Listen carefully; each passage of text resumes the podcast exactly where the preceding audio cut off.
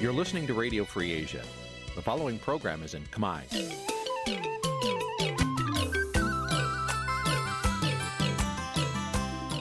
នេះជាកម្មវិធីផ្សាយ Vuthu Azizi Serai នេះជាកម្មវិធីផ្សាយរបស់ Vuthu Azizi Serai ជាភាសាខ្មែរ Vuthu Azizi Serai សូមស្វាគមន៍លោកអ្នកនាងទាំងអស់ពីរដ្ឋធានី Washington នៃសហរដ្ឋអាមេរិក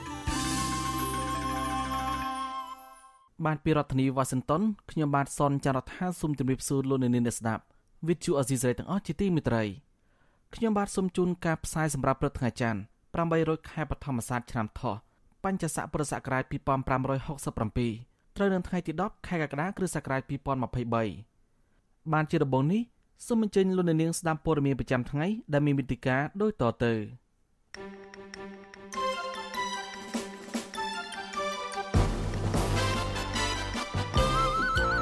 បរិកខ្មែរនៅអូស្ត្រាលីស្នើប៉ូលីសសហព័ន្ធអនុវត្តច្បាប់លើក្រុមលហ៊ុនសែនជ្រៀតជ្រែកនឹងរំខានបរិកខ្មែរនៅអូស្ត្រាលីកម្ពុជាចុចចំណាត់ថ្នាក់លេខ3ដែលមានប្រជាជនផឹកស្រាច្រើនក្នុងតំបន់អាស៊ាន Freedom House ថាការបោះឆ្នោតនៅថ្ងៃទី23ខែកក្កដាធ្វើឡើងដើម្បីធានានូវផែនការផ្ទេរអំណាចរបស់លោកហ៊ុនសែនក្រមយុវជនប្រកួតកីឡាបាល់ទាត់ដណ្ដើមពានរង្វាន់បដិកម្មលី រួមនឹងព័ត៌មានសំខាន់សំខាន់មួយចំនួនទៀត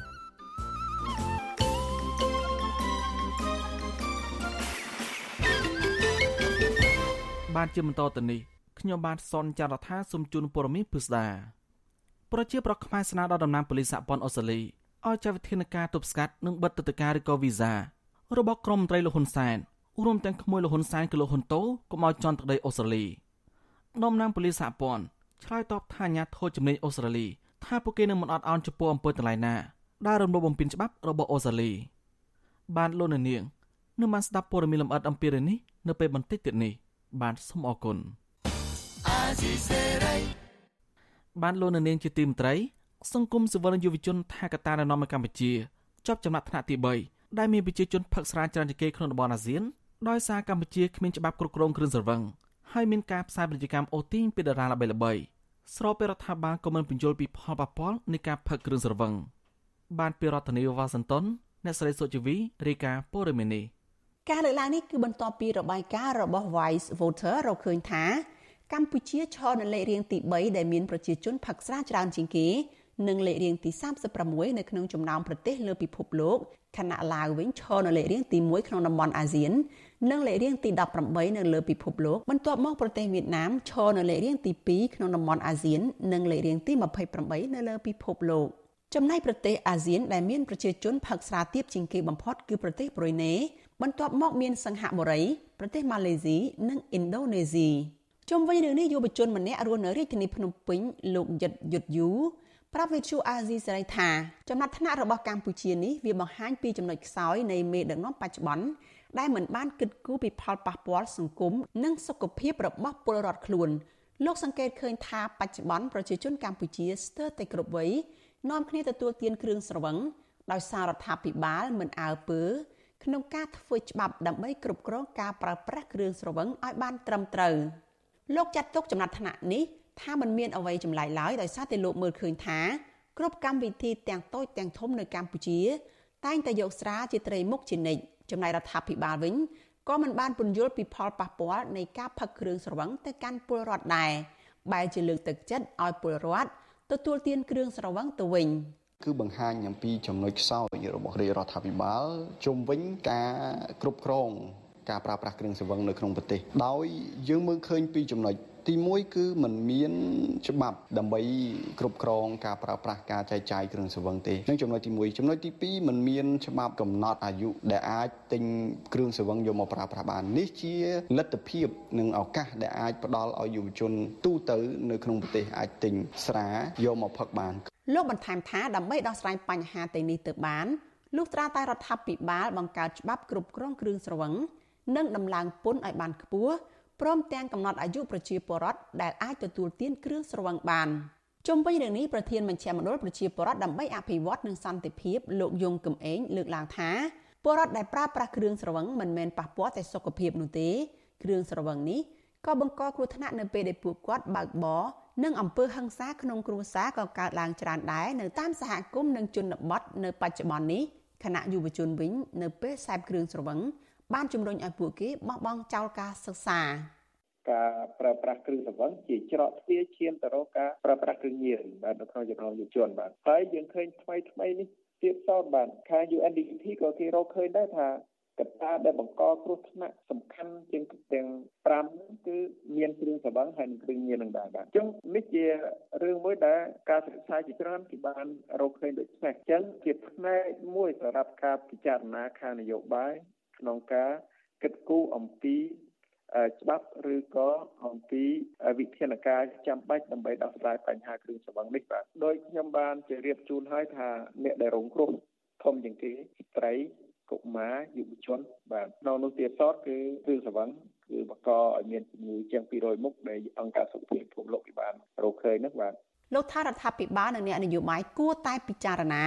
ឬជំរុញឲ្យច្បាប់ស្តីពីការគ្រប់គ្រងគ្រឿងស្រវឹងចេញឲ្យខាងតែបានដើម្បីកាត់បន្ថយការប្រើប្រាស់និងគ្រោះថ្នាក់ព្រមទាំងបញ្ហាផ្សេងផ្សេងទៀតដែលកើតឡើងបណ្ដាលមកពីគ្រឿងស្រវឹង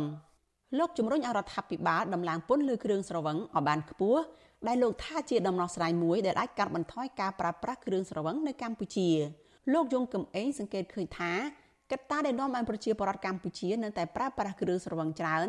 ដោយសារតែតម្លៃគ្រឿងស្រវឹងទាបការផ្សព្វផ្សាយពាណិជ្ជកម្មដោយយកក្រុមតារាល្បីៗទៅជួយផ្សាយនិងគំរូអ្នកផឹកជាកត្តាជំរុញឲ្យពលរដ្ឋបរិភោគច្រើនដែរបើសិនយើងនៅអាមេរិកនៅអីហ្នឹងតែហ៊ានផឹកគ្រឿងស្វានៅតាមសមុទ្រមាត់សមុទ្រអីណាអីចឹងគឺអាចផាកពិន័យ4 500ដុល្លារនោះបាទហើយ ប៉ុន្តែកម្ពុជាកន្លែងណាក៏ផឹកបានដែរទីសាធារណៈសួនច្បារណាក៏ផឹកចូលកំប៉ុងដែរពលាននៅក្នុងពលានយន្តហោះក៏ផឹកបានដែរអញ្ចឹងហើយនេះជាបញ្ហាបាទដែលបង្ហាញគំរូនៃការផឹកអាក្រក់បាទវិទ្យុអាស៊ីសេរីនៅមិនទាន់អាចតាក់ទងអ្នកនាំពាក្យរដ្ឋាភិបាលលោកផៃស៊ីផាននិងអ្នកនាំពាក្យក្រសួងពាណិជ្ជកម្មលោកប៉ែនសុវិជាតិដើម្បីសូមអត្ថាធិប្បាយជុំវិញរឿងនេះបានទេនៅថ្ងៃទី7ខែកក្កដាដោយទូរស័ព្ទហៅចូលច្រើនដងតែគ្មានអ្នកទទួល។ កាសែតខ្មែរថាមស្បានចុះផ្សាយកាលពីខែមិថុនាដោយស្រង់សម្ដីរបស់មន្ត្រីជាន់ខ្ពស់ក្រសួងពាណិជ្ជកម្មលោកផានអូនថាក្រសួងបានតាក់តែងសេចក្តីព្រៀងអនុក្រឹត្យគ្រប់គ្រងគ្រឿងស្រវឹងរួចរាល់ហើយដោយកំណត់អាយុមនុស្សដែលមានវ័យតិចបំផុត18ឆ្នាំទើបអាចទិញឬលក់និងសេពគ្រឿងស្រវឹងបានសេចក្តីព្រៀងនេះក៏បានចែងពីទោសទណ្ឌលើអនិច្ចជនដែលទិញលក់និងសេពគ្រឿងស្រវឹងដែរការតាក់តែងច្បាប់នេះគឺមានការចូលរួមពីក្រសួងពាក់ព័ន្ធនិងអង្គការសង្គមស៊ីវិលផងដែរ របាយការណ៍ស្តីពីការសង្កេតប្រជាសាស្ត្រនិងសុខភាពឆ្នាំ2021ឆ្នាំ2022ដែលចេញផ្សាយកាលពីថ្ងៃទី4ខែមេសាឆ្នាំ2023នេះឲ្យដឹងថាបរិះ7នាក់នៅក្នុងចំណោម10នាក់សេពគ្រឿងស្រវឹងការស្ទង់មតិបង្ហាញទៀតថាក្នុងមួយខែបរិះ10%ពិសាគ្រឿងស្រវឹងជារៀងរាល់ថ្ងៃឬស្ទើររៀងរាល់ថ្ងៃខណៈ60%សេពគ្រឿងស្រវឹងពី1ថ្ងៃទៅ5ថ្ងៃចំណែក18% ពិសាគ្រឿងស្រវឹង6ថ្ងៃទៅ10ថ្ងៃនិង12%ពិសាគ្រឿងស្រវឹងពី11ថ្ងៃទៅ24ថ្ងៃបើធៀបនឹងស្ត្រីវិញរបាយការណ៍ស្ដីពីការអង្កេតប្រជាសាស្ត្រនិងសុខភាពកម្ពុជាបញ្ជាក់ថាស្ត្រី16%ពិសាគ្រឿងស្រវឹងក្នុងនោះស្ត្រីភាគច្រើនដែលសេពគ្រឿងស្រវឹងគឺចន្លោះពី1ថ្ងៃទៅ5ថ្ងៃនៅក្នុងមួយខែការស្ទង់មតិដដែលបន្តថាស្ត្រីនៅទីប្រជុំជនសេពគ្រឿងស្រវឹងច្រើនភាគរយជាងស្ត្រីនៅតាមទីជនបទ រីឯបុរសនៅតាមទីជនបទនិងទីក្រុងมันមានភាពខុសគ្នាឡើយចំណែកស្ត្រីរងគ្រោះវិញក្នុងនោះស្ត្រីរហូតដល់50%ធ្លាប់រងអំពើហិង្សាពីប្តីឬដៃគូស្និទ្ធស្នាលដែលសេពគ្រឿងស្រវឹងនិងនិងស្រវឹងម្ដងម្កាលសេចក្តីព្រាងច្បាប់ស្តីពីការត្រួតពិនិត្យផលិតផលគ្រឿងស្រវឹងដែលក្រសួងសុខាភិបាលរៀបចំឡើងកាលពីឆ្នាំ2015គឺមាន11ជំពូកនិង39មាត្រាមាត្រា1និងមាត្រា2នៃសេចក្តីព្រាងច្បាប់នេះអះអាងថា រៀបចំឡើងក្នុងគោលបំណងនិងគោលដៅដើម្បីការពារសុខភាពសាធារណៈនិងកាត់បន្ថយផលប៉ះពាល់សេដ្ឋកិច្ចនិងសង្គមនាងខ្ញុំសុជីវីវិទ្យុអាស៊ីសេរីពីរដ្ឋធានី Washington បាទតើតើទៅនឹងការបោះឆ្នោតនេះវិញអង្គការឃ្លាំមើលសេរីភាពពិភពលោក Freedom House ថានាយករដ្ឋមន្ត្រីហ៊ុនសែនជាថ្មីម្ដងទៀតបង្កើតនៅបរិយាកាសអរិភាពនៅមុនការបោះឆ្នោតជាតិថ្ងៃទី23ខែកក្កដា រាប់ចាប់តាំងពីការយាយីលើគណៈបកប្រឆាំងរហូតដល់ការរដ្ឋបិទនៅលើអនឡាញអង្គការអន្តរជាតិនេះកាលពីថ្ងៃទី7ខែកក្កដាដាក់ចំណាត់ថ្នាក់កម្ពុជាជាប់ពិន្ទុ29ក្នុងសន្ទុះភាពងាយរងគ្រោះនៃការបោះឆ្នោតដែលជាបន្ទុកទៀតមួយបាត់ធៀបនឹងប្រទេសដទៃទៀតដែលត្រៀមរៀបចំការបោះឆ្នោតក្នុងឆ្នាំ2023និងឆ្នាំ2024ខាងមុខនេះពិន្ទុ100មានន័យថាការបោះឆ្នោតមានភាពងាយរងគ្រោះតិចតួចបំផុតបើតាមអង្គការឃ្លាំមើលសេរីភាពពិភពលោក ចំណាត់ថ្នាក់នៃការបោះឆ្នោតនៅកម្ពុជានេះឆ្លុះបញ្ចាំងឃើញពីទស្សនវិជ្ជានយោបាយនិងប្រព័ន្ធផ្សព្វផ្សាយដែលត្រូវបានរឹតបន្តឹងយ៉ាងតឹងរឹងស្របពេលសេរីភាពនៃការបញ្ចេញមតិនិងការជួបជុំត្រូវបានគៀបសង្កត់យ៉ាងធ្ងន់ធ្ងរទាំងនៅលើអ៊ីនធឺណិតនិងក្នុងសង្គមលើពីនេះទៀតប្រព័ន្ធផ្សព្វផ្សាយឯករាជ្យអង្គការសង្គមស៊ីវិលជារឿយៗត្រូវបានកំណត់គោលដៅបង្ក្រាបដោយសារតែការរិះគន់ចំពោះអ្នកមានអំណាច Freedom House ក៏សម្គាល់ពីការជឿជ្រែក Digital ដែលចាំបាច់ដូចជាការចាប់ខ្លួននិងផ្ដន្ទាទោស ដោយសារសកម្មភាពរិះគន់លើអនឡាញការបង្កប់គេហទំព័រព័ត៌មានការលុបចោលខ្លឹមសារលើអនឡាញនិងប្រតិបត្តិការចែករំលែកព័ត៌មានคล้ายៗលើអនឡាញជាដើមអង្គការឃ្លាំមើលសេរីភាពពិភពលោក Freedom House វារំលែកថាការបោះឆ្នោតជាថ្ងៃទី23កក្កដាឆ្នាំនេះ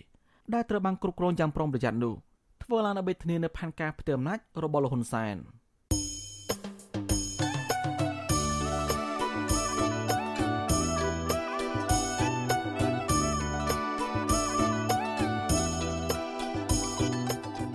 បានលោកនៅនាងជាទីមេត្រីក្រៅពីស្ដាប់ការផ្សាយរបស់ Visual Asia សេរីតាម Facebook YouTube និង Telegram លោកនៅនាងអាចស្ដាប់ Visual Asia សេរីតាម post SW ដែលមានកម្រិតនិងកម្ពស់ដូចតទៅនេះពេលព្រឹកចាប់ពីម៉ោង5កន្លះដល់ម៉ោង6កន្លះតាមរយៈប៉ុស SW 12.14 MHz ស្មើនឹងកម្ពស់ 25m និងប៉ុស SW 13.71 MHz ស្មើកម្ពស់ 22m ពេលយប់ចាប់ពីម៉ោង7កន្លះដល់ម៉ោង8កន្លះ តាមប៉ុស SW 9.33 MHz ស្មើកម្ពស់ 32m ប៉ុស SW 11.88 MHz ស្មើកម្ពស់ 25m និងប៉ុស SW 12.14 MHz ស្មើកម្ពស់ 25m បាទសូមអរគុណ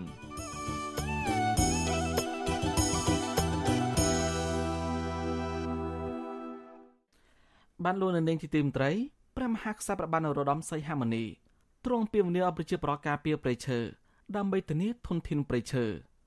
សកម្មជនការពារបរិស្ថាន ថាការពារវនីរបស់ព្រះមហាក្សត្រឲ្យពលរដ្ឋចូលរួមការពារប្រៃឈើគឺជារឿងល្អ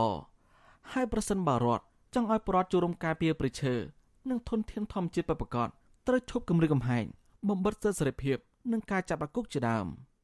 បានពីរដ្ឋធានីវ៉ាស៊ីនតោនអ្នកស្រីសុជីវី មានសេចក្តីរាយការណ៍មួយផ្សេងទៀតអំពីរឿងនេះព្រះមហាក្សត្រព្រះបាទនរោត្តមសីហមុនី ទ្រង់យាងជាអធិបតីនៅក្នុងពិធីបុណ្យរុក្ខទិវា9កក្កដានៅស្ថានីយ៍ដាំឈើម្សៅក្រដាស់ហ៊ុនសែនស្ថិតនៅភូមិអូកខុបឃុំក្រាំងលវា ស្រុកសាមគ្គីមានជ័យខេត្តកំពង់ឆ្នាំងស្ថានីយ៍នេះមានផ្ទៃដីទំហំ10ហិកតាត្រូវដាំកូនឈើចំនួនជាង13000ដើមរួមមានកូនឈើធ្នង់ច្រេះគីនីនក្រញូងស្ដៅនិងក្ងោកជាដើមព្រះអង្គទ្រង់ប្រថាប់លើកៅអីអធិបតីពណ៌មាស សម្លឹងមើលរដ្ឋមន្ត្រីក្រសួងកសិកម្មរៀបរាប់ពីប្រវត្តិនៃការបង្កើតបុណ្យរុក្ខទិវាដោយយកប្រតិទុកដាក់និងព្រះភ័ក្ត្រស្មើស្មើស្របពេលលោកនាយរដ្ឋមន្ត្រីហ៊ុនសែនអង្គុយឈ្ងក់មុខចុះក្រោមសម្លឹងមើលទូរស័ព្ទព្រះអង្គមានប្រេកបន្ទូលថាព្រៃឈើគឺជាសម្បត្តិធនធានធម្មជាតិដែលមានតម្លៃមហាសាលសម្រាប់ជីវិតមនុស្សនិងសត្វហើយការបាត់បង់ព្រៃឈើគ្រប់ប្រភេទអាចបណ្ដាលឲ្យមានទឹកជំនន់ខ្យល់កន្ត្រាក់រន្ទះ និងគ្រោះរាំងស្ងួតដែលធ្វើឲ្យទីតម្កល់ទឹកសម្រាប់តម្រូវការរបស់មនុស្សនិងសត្វត្រូវរីងស្ងួតនិងឈានទៅដល់ការបាត់បង់ប្រាក់ចំណូលសត្វព្រៃនិងធនធានមច្ឆជាតិគ្រប់ប្រភេទព្រមទាំងអាចបង្កឲ្យមានរហោស្ថាននិងការធ្លាក់ចុះគុណភាពដីផងដែរ។ព្រះអង្គមានព្រះរាជបន្ទូលបន្តថាព្រៃឈើមានគុណតម្លៃខាងសេដ្ឋកិច្ចនិងសង្គមថែមទាំងជួយថែរក្សាលំនឹងបរិស្ថានធម្មជាតិធ្វើឲ្យធាតុអាកាសមានភាពបរិសុទ្ធ រក្សានូវយត្តភាពប្រភពទឹកព្រមទាំងការពារទីជម្រាលនិងជីវៈចម្រុះ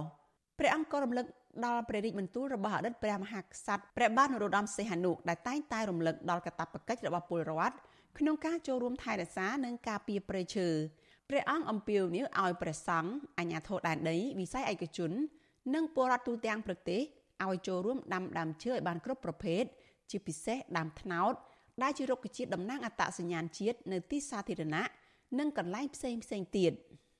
ស្ថិតក្នុងបរិបត្តិនេះខ្ញុំប្រកាសណាខ្ញុំសូមអំពាវនាវចំពោះព្រះសង្ឃអាជ្ញាធរដែនដី វិស័យឯកជន និងបងប្អូនជនរួមជាតិនៅទូទាំងប្រទេសសូមព្រះមេត្តានិងមេត្តាចូលរួមដាំដើមឈើគ្រប់ប្រភេទឲ្យបានច្រើន ក្នុងនោះក៏មានដើមថ្នោតដែលជារុក្ខជាតិតំណាងអត្តសញ្ញាណជាតិយើងដើមឈើទៀល ដើមកគីជាដើមលាក់និងលាក់នៅតាមទីវត្តអារាម ទីសាធារណៈរមណីយដ្ឋាន ដងផ្លូវលំផ្លូវជាតិដងប្រឡាយភូមិឋាននានានិងភ្លឺស្រែចម្ការដើម្បីបំពេញតម្រូវការផលប្រៃឈើនិងសហគមន៍នានា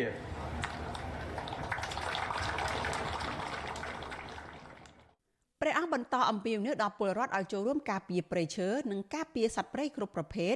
ដើម្បីធានានូវធនធានព្រៃឈើសម្រាប់កូនចៅគ្រប់ជំនាន់និងចូលរួមធ្វើកសិកម្មដាំដុះដំណាំឲ្យអស់លទ្ធភាពទៅតាមសក្តានុពលដីប្រកបដោយភាពវៃឆ្លាតដោយមិនពឹងអាស្រ័យទៅលើអនុផលព្រៃឈើ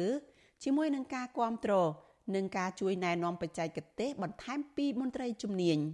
បើទោះបីជាព្រះមហាក្សត្របានអំពាវនាវដល់ពលរដ្ឋឲ្យចូលរួមការពារព្រៃឈើ និងការពារសត្វព្រៃក៏ដោយក៏ប៉ុន្តែរដ្ឋាភិបាលអាជ្ញាធររួមទាំងតុលាការមិនបានយកចិត្តទុកដាក់អនុវត្តតាមព្រឹត្តិបន្ទូលរបស់ព្រះអង្គនោះទេបែរជាលៀបពណ៌ចោតប្រកាន់គម្រាមកំហែងចាប់ដាក់គុករហូតមានអំពើមនុស្សឃាតទៅលើអ្នកស្រឡាញ់បរិស្ថាននិងការពារព្រៃឈើដូចជាសកម្មជនបរិស្ថានលោកឈុតវុធីជាដើមស្ថាបនិកចលនាមេដាធម្មជាតិលោក Alejandro Gonzalez Davidson មានប្រសាសន៍ថា ការអំពាវនាវរបស់ព្រះមហាក្សត្រគឺទ្រង់មានចេតនាល្អក្នុងការជំរុញឲ្យពលរដ្ឋចូលរួមការពារព្រៃឈើហើយការអំពាវនាវនេះមិនមែនជាអន្ទាក់ឬជាល្បិចកលនោះទេលោកបន្តថាវិនិស្សកម្មព្រៃឈើនៅកម្ពុជាមិនមែនការឡើងដោយសារតែពលរដ្ឋសាមញ្ញដែលគ្មានអំណាចឬស្ថាប័នតែមួយអាចធ្វើបាននោះទេ គឺត្រូវមានចូលរួមពីគ្រប់ស្ថាប័ន។ អ្វីដែលសំខាន់គឺយើងអាចចោទជាសំណួរបានរាល់ថ្ងៃហ្នឹងអ្នកណាដែលរៀបចំឧក្រិដ្ឋកម្មប្រឆាំងនឹងធនធានធម្មជាតិឧទាហរណ៍ថាកាប់ឈើជាកលៈជាលក្ខណៈប្រព័ន្ធនាំចេញទៅវៀតណាមវៀតណាមនាំចូលឈើមានតម្លៃរាប់រយលានដុល្លារមួយឆ្នាំមួយឆ្នាំអ្នកណាធ្វើមិនមែនប្រជាជនមូលដ្ឋានតែឯងមិនមែនអុកញ៉ាម្នាក់ពីរនាក់តែឯងណាគឺរដ្ឋអំណាចអ្នកដែលកាន់អំណាចនៅក្នុងរដ្ឋទាំង PM ទាំងទាហានទាំងក្រសួងអីទាំងអស់អញ្ចឹងដូចខ្ញុំធ្លាប់និយាយពីមុនអញ្ចឹងសម្រាប់ណាអ្នកកាន់អំណាចកំពូលកំពូលជាអ្នករៀបចំជាអ្នកប្រព្រឹត្តជាអ្នកចូលរួមនៅក្នុងអាអារឿងគេហៅថាបំភ្លេចបំផ្លាញទន្ទានធម្មជាតិក្រោមរូបភាពអភិវឌ្ឍក៏ដោយកម្មរូបភាពអីក៏ដោយគឺព្រះអាព្រះអនាគតនិយាយ100ដងក៏ដោយក៏នៅតែអត់មានប្រសិទ្ធភាពទេលោកអាឡិចអស់សំណើចពីការអំពាវនាវរបស់នាយករដ្ឋមន្ត្រីលោកហ៊ុនសែននិងរដ្ឋមន្ត្រីក្រសួងកសិកម្មនិងក្រសួងបរិស្ថានជាដើមដែលឲ្យពលរដ្ឋចូលរួមការពារព្រៃឈើនិងសម្បត្តិធនធានធម្មជាតិ ក៏ប៉ុន្តែបែរជាទៅលៀបពណ៌ចោតប្រកាន់គម្រាមកំហែងរហូតដល់ចាប់អ្នកការពារព្រៃឈើនិងសម្បត្តិធនធានធម្មជាតិដាក់គុកក្រោមបទចោទធ្ងន់ធ្ងរជាដើមបើសិនជាមានចេតនាចង់ឲ្យប្រជាជនការពារព្រៃឈើការពារធនធានធម្មជាតិដោយខ្សែសល់មែននិងចូលរួមនៅក្នុងកិច្ចការសង្គមកិច្ចការអភិវឌ្ឍអីជាដើមត្រូវតែចោល ជាបន្ទាន់អត្តលាប់ដោយថាទួលបាបតាមអំពើចិត្តទៅលើសកម្មជនទួលបាបតាមអំពើចិត្តទៅលើជាជនមូលដ្ឋានដែលចង់ព្យាយាមចង់ចូលរួមការពារប្រជាឧទាហរណ៍រឿងសកម្មជនមេដាធម្មជាតិជាឧទាហរណ៍មួយជាក់ស្ដែងឧទាហរណ៍មួយទៀតជាជាឧទាហរណ៍ដែលប្រកែកអត់បានទេសួរថាហេតុអីមូលហេតុអីដែលក្រសួងបរិស្ថានហាមមិនអោយសកម្មជននិងប្រជាពលរដ្ឋចូលល្បាតនៅព្រៃឡង់មូលហេតុអីនេះអត់មានមូលហេតុណាមួយក្រៅតែពីការពារឧក្រិដ្ឋជនឲ្យទួលការងារកាប់ឈើដោយរលូនមិនទៅជួយសកម្មជនមិនទៅជួយអ្នកការពារទេទៅជួយអ្នកកាប់ឈើអញ្ចឹងបើចង់មានប្រសិទ្ធភាពនៅក្នុងការកិច្ចការពារទន្ទានធម្មជាតិបើចង់ឲ្យយើងជឿទៅលើពាក្យសម្ដីរបស់គេតលតែគេកែត្រឡប់នោះជាបន្តណាបាទអតីតព្រះមហាក្សត្រព្រះបាទនរោត្តមសីហនុទ្រង់បានបំផុសចលនាដាំដើមឈើនិងបង្កើតបុណ្យរុក្ខទិវានេះឡើងកាលពីឆ្នាំ1952គិតត្រឹមឆ្នាំ2023កម្ពុជាបានប្រារព្ធពិធីបុណ្យរុក្ខទិវាចំនួន28លើកនៅតាម14រាជធានីខេត្តទូទាំងប្រទេសហើយបានបង្កើតសួនរុក្ខទិវា ទំហំ462ហិកតា អង្គការលើលែងទោសអន្តរជាតិ Amnesty International បានផ្សាយរបាយការណ៍ស្រាវជ្រាវកាលពីចុងខែមករាឆ្នាំ2022មានចំណងជើងថាទំនៀមទម្លាប់ជនជាតិដើមភាគតិចកំពុងត្រូវបានគេបំផ្លាញដោយសារការកាប់ឈើខុសច្បាប់នៅតំបន់ព្រៃការពារធម្មជាតិរបាយការណ៍នេះបានបន្ថែមថាប្រទេសកម្ពុជាទទួលរងការកាប់បំផ្លាញព្រៃឈើខ្ពស់ជាងគេនៅលើពិភពលោកក្នុងរយៈពេលប្រមាណទសវត្សរ៍ចុងក្រោយនេះ ដែលបានបាត់បង់ព្រៃឈើប្រមាណ64%នៃគម្របព្រៃឈើចាប់តាំងពីឆ្នាំ2011រហូតមកដល់ពេលបច្ចុប្បន្នអង្គការលើកលែងទោសអន្តរជាតិបានគណនាពីចម្ងាយដែលប្រើប្រព័ន្ធទិន្នន័យអំឡុងឆ្នាំ2021ដែលរកឃើញថា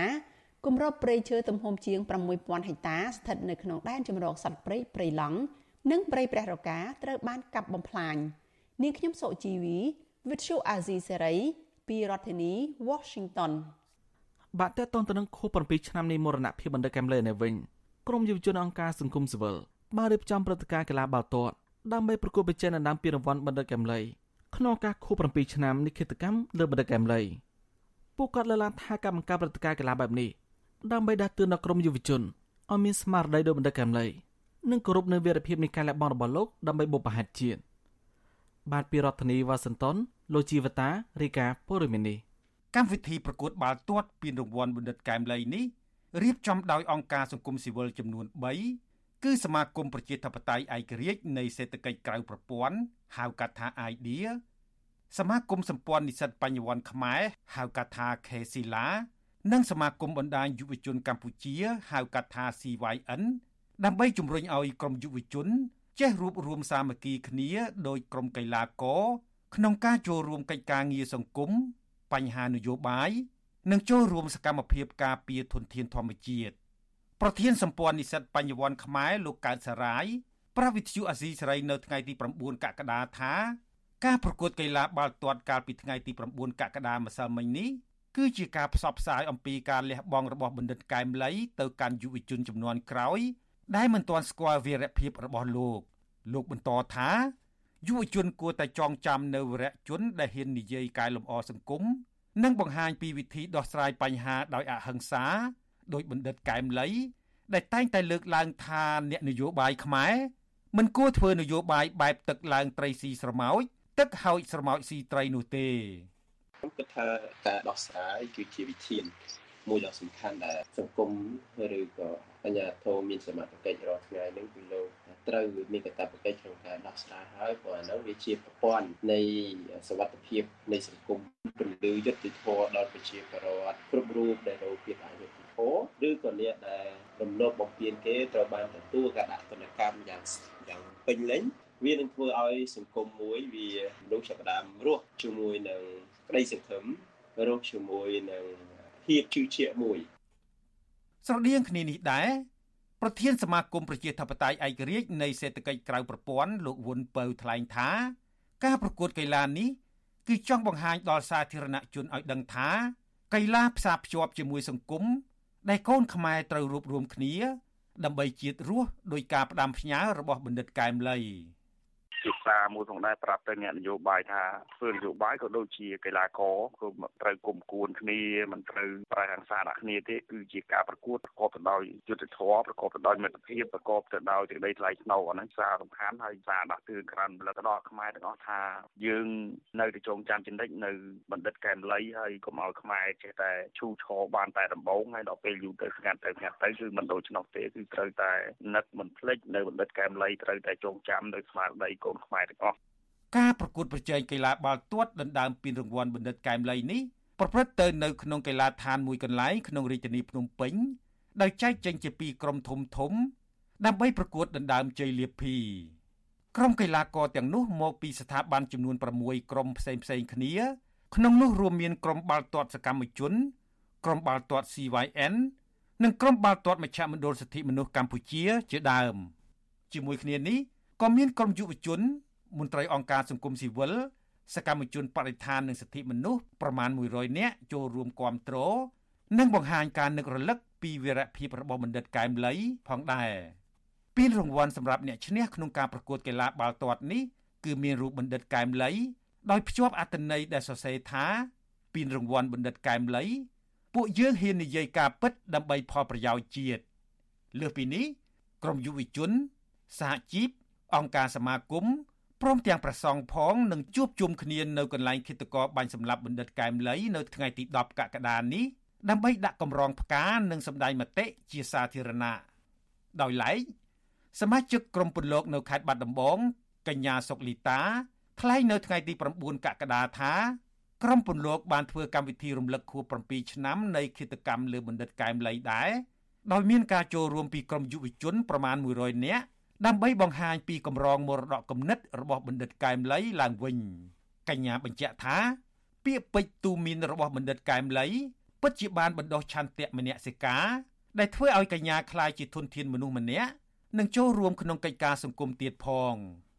ជាការស្នើរបស់ខ្ញុំទៅកាន់ភាគីពាក់ព័ន្ធជាពិសេសនោះគឺតកតងនឹងការស្វែងរកយុត្តិធម៌កាន់លោកបណ្ឌិតដោយសារតែតាំងពីពេលបាញ់សម្លាប់រហូតមកដល់បច្ចុប្បន្ននៅមិនទាន់មានយុត្តិធម៌សម្រាប់លោកបណ្ឌិតទេអញ្ចឹងស្នើដល់ភាគីតកតងក្រសួងយុត្តិធម៌អីផ្សេងផ្សេងជួយក្នុងការរកយុត្តិធម៌ជូនលោកបណ្ឌិតអញ្ចឹងណាក្នុងខួប7ឆ្នាំនៃគិតកម្មលើបណ្ឌិតកែមលីនេះដែរម្ដាយនិងសាច់ញាតិរបស់បណ្ឌិតកែមលីក៏បានធ្វើពិធីឆ្លងចែកដីដែលទើបបានសាងសង់រួច និងធ្វើបន់ចម្រើនប្រជជនជូនម្ដាយរបស់លោកដែលមានក្រុមយុវជននិងពលរដ្ឋចូលរួមជាង100នាក់រីឯយុវជនខ្លះទៀតនៅថ្ងៃទី9កក្កដាដដែលក៏បានធ្វើពិធីកាត់សក់ដើម្បីបង្ហាញការគោរពនិងការដឹងគុណចំពោះការលះបង់របស់បណ្ឌិតកែមលី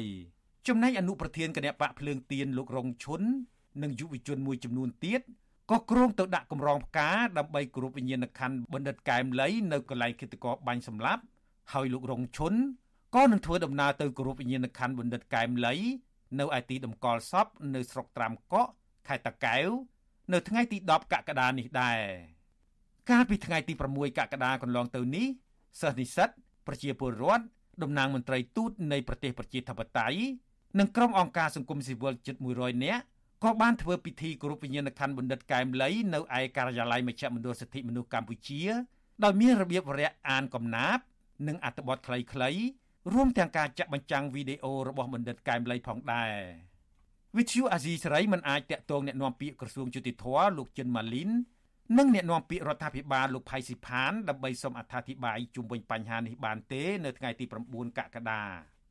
អ្នកស្រាវជ្រាវការអភិវឌ្ឍសង្គមនិងជាអ្នកវិភាគនយោបាយដ៏មានប្រជាប្រិយភាពបណ្ឌិតកែមលីត្រូវបានថ្មងកំភ្លើងបាញ់សម្លាប់នៅព្រឹកថ្ងៃទី10ខែកក្កដាឆ្នាំ2016 នៅឯហាងកាហ្វេ Star Mart នៅក្នុងស្ថានីយ៍លក់ប្រេងឥន្ធនៈកាល់តិចក្នុងរាជធានីភ្នំពេញរយៈពេល7ឆ្នាំកន្លងមកនេះតុលាការមិនទាន់ស៊ើបអង្កេតរកឃាតករពិតនិងអ្នកពាក់ព័ន្ធផ្សេងទៀតយកមកផ្ដន្ទាទោសតាមការទៀមទារបស់គ្រួសារបណ្ឌិតកែមលី និងអ្នកគោរពស្រឡាញ់បណ្ឌិតកែមលីនៅឡើយទេក្រមយុវជននិងមន្ត្រីសង្គមស៊ីវិលនៅតែទទូចឲ្យអាជ្ញាធរពាក់ព័ន្ធវែកមុខឃាតករពិតដើម្បីយកមកផ្ដន្ទាទោសតាមច្បាប់ និងផ្ដល់យុតិធធជូនគ្រួសារបណ្ឌិតកែមលីនិងសង្គមព្រោះពួកគេមិនជឿថាតនដិតអឿតអាង ដែលហៅខ្លួនឯងថាជួបសម្លាប់នោះ គឺជាឃាតករពិតសម្រាប់បណ្ឌិតកែមលីនោះឡើយខ្ញុំជីវិតាអាស៊ីសេរីបានលោកនៅនាងជាទីមត្រីអស់រយៈពេល7ឆ្នាំមកហើយដែលឃាតករបានឆក់យកជីវិតបណ្ឌិតកែមលីនៅវិភាគដ៏មានប្រជាប្រិយភាពមួយរូបនៅកណ្ដាលក្រុងភ្នំពេញទាំងក្រុមគូសាព្រមទាំងអ្នកគ្រប់ស្រឡាញ់បណ្ឌិតកែមលី មិនភ្លេចទេការធ្វើពិធីបុណ្យខួបរៀងរាល់ឆ្នាំដើម្បីរំលឹកពីវីរភាព និងការក្រើនរំលឹកដល់រដ្ឋាភិបាលឲ្យទទួលខុសត្រូវលើគិតកម្មនេះបានសូមអញ្ជើញលោកនាង ស្ដាប់សេចក្តីរាយការណ៍របស់លោកជុនជំនាញអំពីរឿងនេះកាលពីព្រឹកថ្ងៃសៅរ៍ទី9ខែកក្កដាឆ្នាំ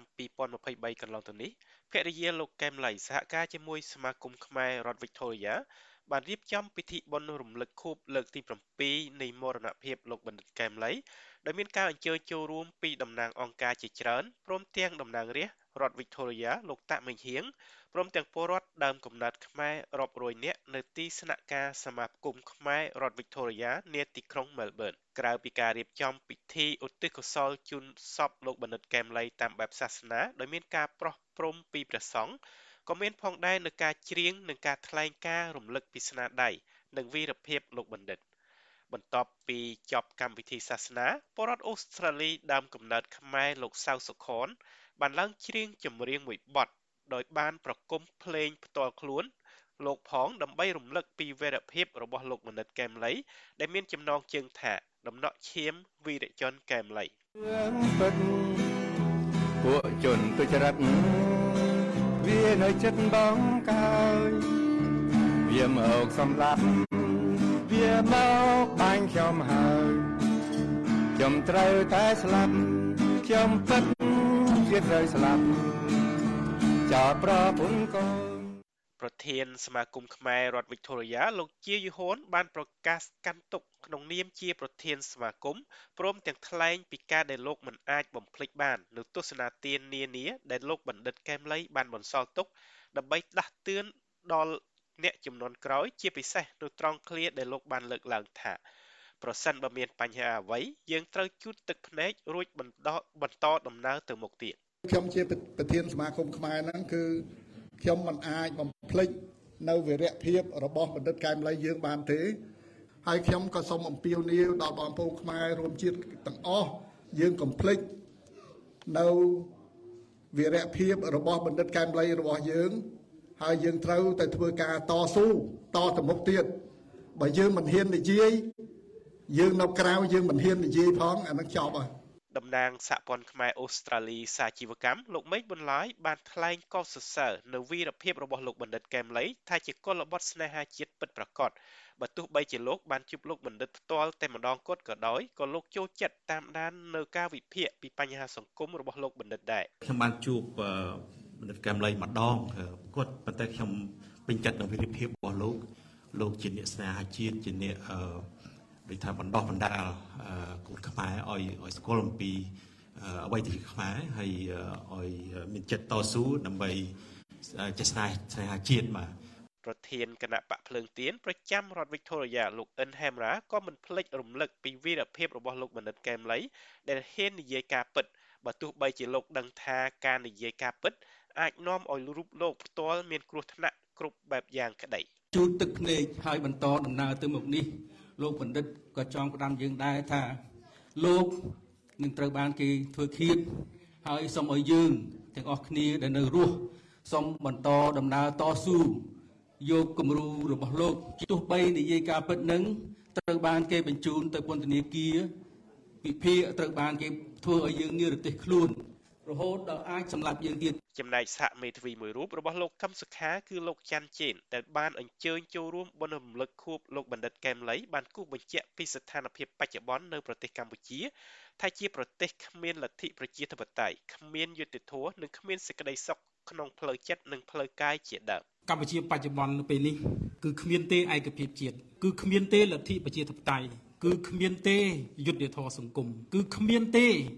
សេចក្តីសុខក្នុងផ្លូវចិត្តនិងផ្លូវកាយតំណាងរាស្ត្រអូស្ត្រាលីដើមកំណើតខ្មែរលោកតាក់មិញហៀងបានរំលឹកពីដំណើរទស្សនកិច្ចរបស់លោកបណ្ឌិតកែមលីដែលមានគោលបំណងពំនាំនៅការពិតប្រាប់ដល់ពលរដ្ឋខ្មែរនៅអូស្ត្រាលីការសិក្សាពីការគ្រប់គ្រងរដ្ឋបាលនៅប្រទេសអូស្ត្រាលីនិងការនាំត្រឡប់យកទៅវិញនៅការអនុវត្តល្អៗដើម្បីជាគំរូដល់ប្រទេសកម្ពុជាលោកក៏បានកោតសរសើរនិងលើកទឹកចិត្តឲ្យមានការរៀបចំពិធីរំលឹកនេះជារៀងរាល់ឆ្នាំ ពីព្រោះវាមិនត្រឹមតែជាការរំលឹកពីវីរភាពនិងស្នាដៃដែលលោកបានបន្សល់ទុកសម្រាប់ពលរដ្ឋខ្មែរចំនួនក្រោយទេប៉ុន្តែវាថែមទាំងរំលឹកដល់រដ្ឋាភិបាលពីការទទួលខុសត្រូវលើអំពើឃាតកម្មនេះមិនតែប៉ុណ្ណោះលោកក៏បានថ្លែងផងដែរថាការយករឿងឃាតកម្មមកប្រៀបធៀបជារឿងខាតឬចំណេញជារឿងអសិលធម៌បំផុតរបស់មេដឹកនាំ ហើយការដែលបណ្ដែតបណ្ដោយហើយយកបញ្ហាប្រធានបទនេះ ទៅជារឿងនយោបាយចោទសួរថាអ្នកណាជាអ្នកចំណេញនឹងគឺជារឿងខុសខុសធ្ងន់ណាស់ចំពោះមនុស្សលោកខុសធ្ងន់ណាស់ចំពោះសិលធម៌ហើយជារឿងខុសធ្ងន់ណាស់ចំពោះ ការដឹកនាំនៅក្នុងប្រទេសមួយក្នុងនាមជាអ្នកដឹកនាំមិនអាចសួរថាតើការបាត់បង់នឹងចំណេញអ្នកណានោះទេការដែលបាត់បង់លោកបណ្ឌិតកែមលីគឺជាការបាត់បង់នៅអ្នកប្រាជ្ញគឺជាការបាត់បង់ដ៏ធំធេងនៅក្នុងសង្គមជាតិទាំងមូលដែលរដ្ឋអាជ្ញាណាគាត់ត្រូវផ្ដល់នូវការការពារហើយខិតខំវេកមុខរោគជនដៃដល់ពិតប្រកបឲ្យឃើញ មកទល់ពេលនេះមានតែបរិសម្នាក់គាត់ឈ្មោះអឿតអាងហៅជួបសម្លាប់ដែលត្រូវតុលាការកាត់ទោសឲ្យជាប់ពន្ធនាគារអស់មួយជីវិតលើករណីឃាតកម្មនេះដែលសហគមន៍ជាតិនិងអន្តរជាតិចាត់ទុកថាជាឃាតករសពនិមិត្ត ជាមួយគ្នានេះដែរអ្នកវិភាគនយោបាយជើងចាស់លោកបណ្ឌិតឡាវម៉ុងហៃកាលពីព្រឹកថ្ងៃសៅរ៍នេះបានលើកឡើងនៅសំណួរចំនួន6តាក់ទងនឹងភាពមិនប្រក្រតីផ្សេងផ្សេងលើការកាត់ទោសលោកអឿតអាងហៅជប់សម្លាប់នោះដែរហើយលោកទៀមទីឲ្យមានការស៊ើបអង្កេតរកការពិតដើម្បីឆ្លើយតបទៅនឹងចំណុចមិនប្រក្រតីទាំងនោះខ្ញុំជួនជំនាញវិទ្យុអាស៊ីសេរីបានលោកនៅនាងជាទីមត្រីគ្រួសារមន្ត្រីខ្លំមើលសិទ្ធិមនុស្សបារម្ភពីសវត្ថិភាពរបស់លោកថុលសំណាង ដែលត្រូវបានអាជ្ញាធរថៃចាប់ខ្លួនពួកគេថាយុវជនគណៈបកភ្លើងទីរំនេះអាចប្រឈមនឹងការបញ្ជូនទៅកម្ពុជាវិញដើម្បីដាក់ទោសទណ្ឌតាមសំណើរបស់អាជ្ញាធរកម្ពុជាពួកគេទាមទារឲ្យអាជ្ញាធរថៃលើកកម្ពស់កិច្ចការពារជនភៀសខ្លួន បានពីរដ្ឋធានីវ៉ាស៊ីនតោនលោកមេរិតរាយការណ៍ព័ត៌មាននេះជនភៀសខ្លួននយោបាយខ្មែរម្នាក់ដែលត្រូវបានអាជ្ញាធរថៃចាប់ខ្លួននោះគឺលោកថុលសំណាង ជាយុវជនរបស់គណៈបកភ្លើងទៀននៅស្រុកស្អាងខេត្តកណ្ដាល ការចាប់ខ្លួនយុវជនរូបនេះកើតមានឡើងក្រោយពេលលោកបង្ខំចិត្តរត់ភៀសខ្លួន ដើម្បីគេចចេញពីការតាមធ្វើទុកបុកម្នេញពីសំណាក់អាជ្ញាធរកម្ពុជា និងការបង្ខំឲ្យចោះចូលជាមួយគណៈបកកណ្ដាលអំណាច សកម្មជនគណៈបកភ្លើងទៀនដែលកំពុងរស់នៅភៀសខ្លួននៅប្រទេសថៃលោកឆាំចិត្តថ្លែងថាកាលពីថ្ងៃទី4ខែកក្កដាលោកនិងលោកថុលសំណាង បានរត់គេចពីការតាមធ្វើទុកបុកម្នេញនៅកម្ពុជា ដើម្បីស្នើសុំសិទ្ធិជ្រកកោននយោបាយនៅការិយាល័យឧត្តមស្នងការអង្គការសហប្រជាជាតិទទួលបន្ទុកសិទ្ធិជនភៀសខ្លួនប្រចាំនៅប្រទេសថៃ ក៏ប៉ុន្តែលោកថាកាលពីព្រឹកថ្ងៃទី7ខែកក្កដាអាជ្ញាធរថៃ2នាក់ស្លៀកពាក់ស៊ីវិលពណ៌ខ្មៅបានចាប់ក្រៀកស្មាលោកថុលសំណាងរុញឡើងម៉ូតូដឹកចេញទៅបាត់ចំណែកឯលោកវិញបានគេចខ្លួនពីការប៉ុនប៉ងចាប់នោះលោកឲ្យដឹងថាហេតុការណ៍នោះកើតឡើងក្រោយពេលពួកលោកដើរចេញពីបន្ទប់ជួលមួយកន្លែងបានប្រមាណ20ម៉ែត្រក្បែររង្វង់មូលវិមានអនុស្សាវរីយ៍នៅក្រុងបាងកក លោកបន្តថាបច្ចុប្បន្នអង្គការសិទ្ធិមនុស្សប្រចាំប្រទេសថៃ កំពុងជួយតាមដាន និងអន្តរាគមន៍ករណីនេះទូយ៉ាងណា លោកថាជនភៀសខ្លួននយោបាយនៅប្រទេសថៃ នៅតែព្រួយបារម្ភពីសុវត្ថិភាពរបស់ពួកគេនៅនៅក្រោយដែលគេចាប់គាត់ហើយនៅពេលនេះខ្ញុំមានអារម្មណ៍ថាភ័យព្រួយខ្លាចពីសុវត្ថិភាពផ្ទា ល់ខ្លួនព្រមទាំងក្រុមការងាររបស់ខ្ញុំដោយសារខ្ញុំមកនេះខុសច្បាប់ហើយបច្ចុប្បន្ននេះខ្ញុំពុំទាន់មានឯកសារទទួលស្គាល់ពី UNHCR នៅឡើយខ្ញុំអំពើទៅដល់អង្គការស្ថាប័នដែលជាប់ពាក់ព័ន្ធសូមមេត្តាជួយពន្លឿននិងជួយជ្រោមជ្រែងផ្នែកច្បាប់ណាមួយដើម្បីឲ្យពួកយើងខ្ញុំទាំងអស់មានសុវត្ថិភាពផ្ទាល់ផ្ទាល់ខ្លួនបាទ ចំណែកឯម្ដាយរបស់លោកថោសំណាង គឺលោកស្រីចែតលះប្រាប់ថាមូលហេតុដែលកូនប្រុសរបស់លោកស្រីរត់ភៀសខ្លួនទៅប្រទេសថៃគឺដោយសារតែប៉ូលីសកម្ពុជាជាច្រើនអ្នកបានតាមរកចាប់ខ្លួនកូនរបស់លោកស្រី ដល់ផ្ទះកាលពីថ្ងៃទី3ខែកក្កដាហើយអាជ្ញាធរកម្ពុជា បន្តស្វែងរកចាប់ខ្លួនកូនរបស់លោកស្រីមកទល់សប្តាហ៍នេះដោយពុំបង្ហាញដីកាឬបញ្ជាក់អំពីមូលហេតុនៃការចាប់ខ្លួននោះទេ លោកស្រីយល់ថារឿងនេះទំនងដោយសារតែកូនលោកស្រី បានបង្ហោះសារនៅលើទំព័រ Facebook រិះគន់គណៈបកប្រជាជនកម្ពុជា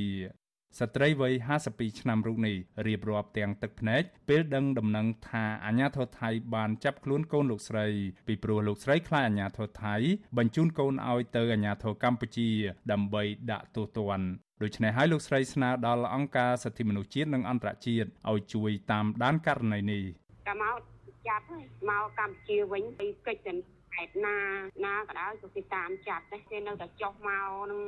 តាមផ្លូវនឹងប្រតិពជាស៊ីវិលនឹងតាកូនខ្ញុំខុសអីក៏ធ្ងន់ធ្ងរមកធ្វើមើលទូកាប់សម្លាប់ទេអីមកដល់អត់មានសួរខុសក៏ត្រូវអីខ្ញុំសូមសំណុំពរឲ្យថាកុំអានបញ្ជូនកូនខ្ញុំមកវិញអីសូមជួយវាឲ្យនៅនឹងសិនជួយការពារជួយឲ្យនៅ ថៃនឹងសិនគាត់ថាសូមសំណុំពរឲ្យកុំឲ្យបញ្ជូនមកខ្មែរនេះវិញតែមកគេធ្វើបាបហើយជុំវិញរឿងនេះអង្គការឃ្លាំមើលសិទ្ធិមនុស្សអន្តរជាតិ Human Rights Watch នៅថ្ងៃទី9ខែកក្កដាថាសកម្មជនគណៈបកភ្លើងទៀនលោកថុលសំណាងត្រូវបានអាជ្ញាធរថៃឃុំខ្លួន នៅមន្ទីរឃុំឃាំងអន្តោប្រវេសន៍សួនភ្លូនៅក្រុងបាងកកប្រពន្ធដដែលថាសកម្មជនរូបនេះអាចប្រឈមទៅនឹងការបញ្ជូនខ្លួនទៅកម្ពុជាវិញ វិសុវអាស៊ីស្រីមិនអាចតាក់ទងណែនាំពីអគ្គស្នងការដ្ឋាននគរបាលជាតិលោកឆៃកំខឿននិងប្រធានអង្គភិបអ្នកណែនាំពីរដ្ឋាភិបាលលោកផៃសិផានដើម្បីឆ្លើយតបជុំវិញរឿងនេះបាននៅឡើយទេនៅថ្ងៃទី9ខែកក្កដាលោកថុលសំណាងតែងតែចេញមុខគាំទ្រគណៈបកភ្លើងទៀនយ៉ាងសកម្ម មួយរយៈចុងក្រោយនេះលោកបានបង្ហោះសារនៅលើគណនីសង្គម Facebook មួយឈ្មោះថាយុវជនស្រឡាញ់លទ្ធិប្រជាធិបតេយ្យនិងគណនីមួយទៀតឈ្មោះចចកខ្មៅដោយបានរិះគន់របបដឹកនាំរបស់លោកហ៊ុនសែនព្រមទាំងក្រុមអង្គការមានលុយមានអំណាចមួយចំនួន ដែលគ្រប់គ្រងគណៈបកប្រជាជនកម្ពុជាក៏ប៉ុន្តែលោកថាពួកគេ មានស្នាដៃលុបបង្កបំផ្លាញប្រៃឈើនិងធនធានធម្មជាតិ ទន្ទឹមនឹងនេះលោកក៏បានរិះគន់រឿងរ៉ាវអយុត្តិធម៌នៅក្នុងសង្គមការបំបិតសិទ្ធិសេរីភាពពលរដ្ឋនិងអំពាវនាវដល់ពលរដ្ឋឲ្យទៅបោះឆ្នោតនៅថ្ងៃទី23ខែកក្កដាខាងមុខនេះក៏ប៉ុន្តែប្រើប្រាស់សិទ្ធិគូខ្វែងនៅលើសញ្ញាឆ្នោតចោលដើម្បីប្រឆាំងទៅនឹងគោចបដែលរៀបចំការបោះឆ្នោតមិនឯករាជ្យជាដើម ជុំវិញរឿងនេះប្រធានសមាគមការពារសិទ្ធិមនុស្សអាត់ហុកលោកនីសុខា មានប្រសាសន៍ថាការចាប់បញ្ជូនជនភៀសខ្លួននយោបាយខ្មែរដែលជ្រកកោននៅប្រទេសថៃឲ្យអាជ្ញាធរកម្ពុជាជាច្រើនអ្នកកាលពីពេលកន្លងទៅ គឺបង្ហាញកាន់តែច្បាស់ថាប្រទេសថៃលែងជាកន្លែងមានសវត្ថិភាពសម្រាប់ជនភៀសខ្លួនតទៅទៀតហើយ លោកចាត់ទុកថាការចាប់ខ្លួនលោកថុលសំណាង ដែលគេចេញពីការធ្វើទុកបុកម្នេញផ្នែកនយោបាយគឺជាទង្វើរំលោភសិទ្ធិមនុស្សនិងរំលោភយ៉ាងធ្ងន់ធ្ងរលើអនុសញ្ញាស្តីពីសិទ្ធិជនភៀសខ្លួន របស់អង្គការសហប្រជាជាតិទោះយ៉ាងណាលោកថាអង្គការសិទ្ធិមនុស្សក្នុងស្រុកកំពុងតាមដានជំវិញករណីចាប់ខ្លួនលោកថុលសំណាងយ៉ាងយកចិត្តទុកដាក់ជនភៀសខ្លួនម្នាក់ម្នាក់នៅពេលដែលខ្លួនមានបញ្ហា ប្រទេសសម័យមានការធ្វើទុកបុកម្នេញខាងផ្លូវនយោបាយខាងផ្លូវអីផ្សេងផ្សេងនេះគឺថាជនទាំងអស់នឹងគឺមានសិទ្ធិនៅក្នុងការរកប្រទេសដទៃដើម្បីទៅសុំសិទ្ធិជ្រកកោននៅក្នុងប្រទេសណាមួយដែលមានការទទួលស្គាល់នៅអនុសញ្ញាស្ដីអំពីការគេហៅថាជាសមាជិកនៃអនុសញ្ញាស្ដីពីជនភៀសខ្លួនហ្នឹងអញ្ចឹងខ្ញុំគិតថាការដែលអាជ្ញាធរថៃធ្វើការចាប់ខ្លួនឬក៏ធ្វើការបញ្ជូនជនភៀសខ្លួនពិសេសគឺអ្នកដែលទទួលបានឋានៈជាជនភៀសខ្លួនដោយអង្គការអន្តរជាតិខ្ញុំថានេះវាជាសកម្មភាពឬក៏ជាទង្វើមួយដែលមិនស្របទៅនឹងគោលការណ៍សិទ្ធិមនុស្សទេបាទចាប់តាំងពីរដ្ឋាភិបាលក្រុងភ្នំពេញរំលាយគណៈបកសង្គ្រោះជាតិកាលពីចុងឆ្នាំ2017មកមានសកម្មជនគណៈបកនៃស្រុកជាង100នាក់បានរត់ភៀសខ្លួនទៅប្រទេសថៃដើម្បីគេចចេញពីការតាមធ្វើទុកបុកម្នេញពីសំណាក់អាជ្ញាធរកម្ពុជា ក្នុងនោះមានសកម្មជននយោបាយមួយចំនួនបានត្រឡប់ទៅកម្ពុជាវិញហើយពួកគេត្រូវបានអាជ្ញាធរចាប់ដាក់ពន្ធនាគារនិងមួយចំនួនទៀតត្រូវបានអង្គការសហប្រជាជាតិទទួលបន្ទុកជនភៀសខ្លួនប្រចាំនៅទីក្រុងបាងកកនៃប្រទេសថៃបានបញ្ជូនទៅជ្រកកោននៅកន្លែងមានសុវត្ថិភាពនៅប្រទេសទី3បច្ចុប្បន្នមានសកម្មជនគណបកប្រឆាំងចំនួន32នាក់ដែលកំពុងរស់នៅភៀសខ្លួននៅក្នុងប្រទេសនេះ កាលពីខែវិច្ឆិកាឆ្នាំ2021កន្លងទៅអាជ្ញាធរថៃបានចាប់បញ្ជូនសកម្មជនគណបកសង្គ្រោះជាតិចំនួន4នាក់ឲ្យអាជ្ញាធរកម្ពុជាដាក់ពន្ធនាគារព្រៃសរនៅរាជធានីភ្នំពេញតាមសំណើរបស់រដ្ឋាភិបាលលោកនាយរដ្ឋមន្ត្រីហ៊ុនសែនការចាប់បញ្ជូនសកម្មជនបពប្រឆាំងនិងព្រះសង្ឃជាបន្តបន្ទាប់នេះកើតមានឡើងក្រោយពេលលោកហ៊ុនសែនប្រកាសថាលោកនឹងតាមគំតិចក្រុមប្រឆាំងឲ្យដល់ទីបំផុត អ្នកខ្លំមើលបញ្ហាសង្គមនិងក្រុមអង្គការសិទ្ធិមនុស្សថ្កោលទោសចំពោះរដ្ឋាភិបាលថៃនិងកម្ពុជា ដែលកំពុងរំលោភសិទ្ធិមនុស្សធ្ងន់ធ្ងរពួកគេយល់ឃើញថាទង្វើនេះគឺជាវប្បធម៌ជួយគ្នាទៅវិញទៅមកដើម្បីពង្រឹងអំណាចផ្ដាច់ការរបស់រដ្ឋាភិបាលនៃប្រទេសទាំងពីរខ្ញុំបានមេរិត Visual Asia ស្រីពីរដ្ឋធានី Washington បានលោកនៅនាងជាទីមេត្រី ក្រៅពីស្ដាប់ការផ្សាយរបស់ Visual Asia សេរីតាម Facebook YouTube និង Telegram លោកអ្នកនាងអាចស្ដាប់ Visual Asia សេរីតាម post SW ដែលមានកម្រិតនិងកម្ពស់ដូចតទៅនេះពេលព្រឹកចាប់ពីម៉ោង5កន្លះដល់ម៉ោង6កន្លះតាមរយៈ post SW 12.14 MHz ស្មើនឹងកម្ពស់ 25m និង post SW 13.71 MHz ស្មើកម្ពស់ 22m ពេលយប់ចាប់ពីម៉ោង7កន្លះដល់ម៉ោង8កន្លះ តាមប៉ុស SW 9.33 MHz ស្មើកម្ពស់ 32m ប៉ុស SW 11.88 MHz ស្មើកម្ពស់ 25m និងប៉ុស SW 12.14 MHz ស្មើកម្ពស់ 25m បាទសូមអរគុណ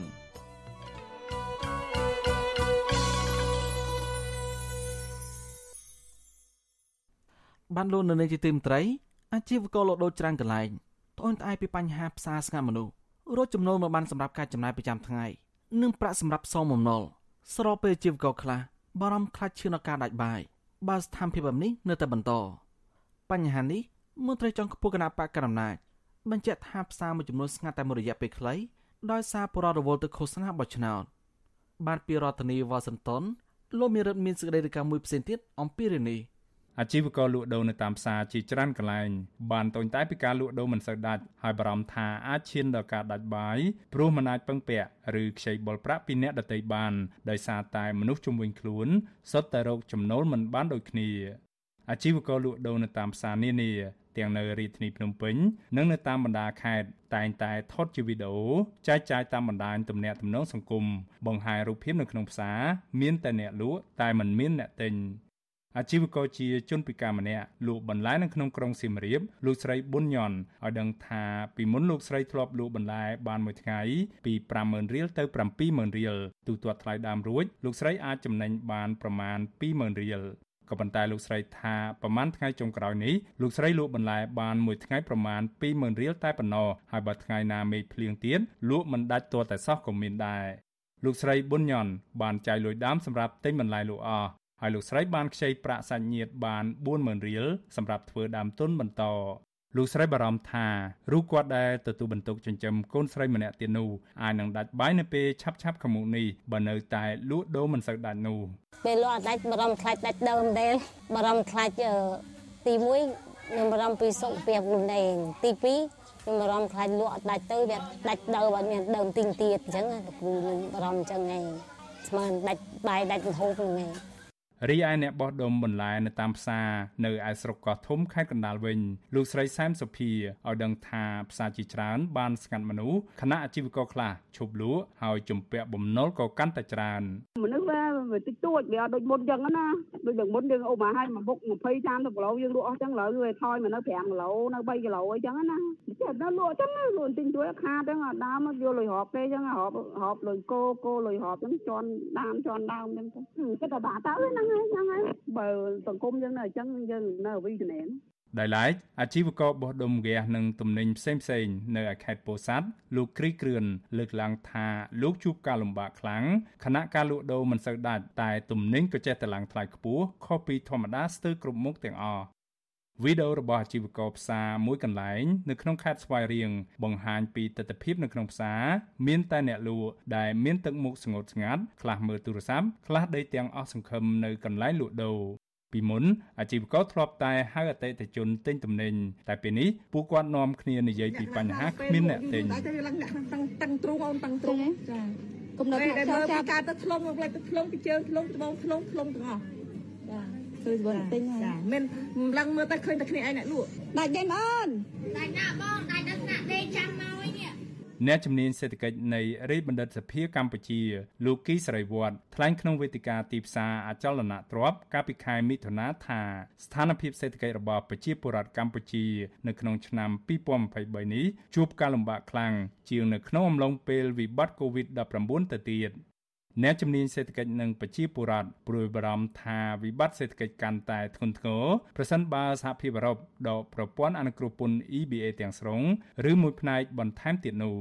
កាលពីឆ្នាំ2020កន្លងទៅសហភាពអឺរ៉ុបបានដកប្រព័ន្ធអនុគ្រោះពន្ធ EBA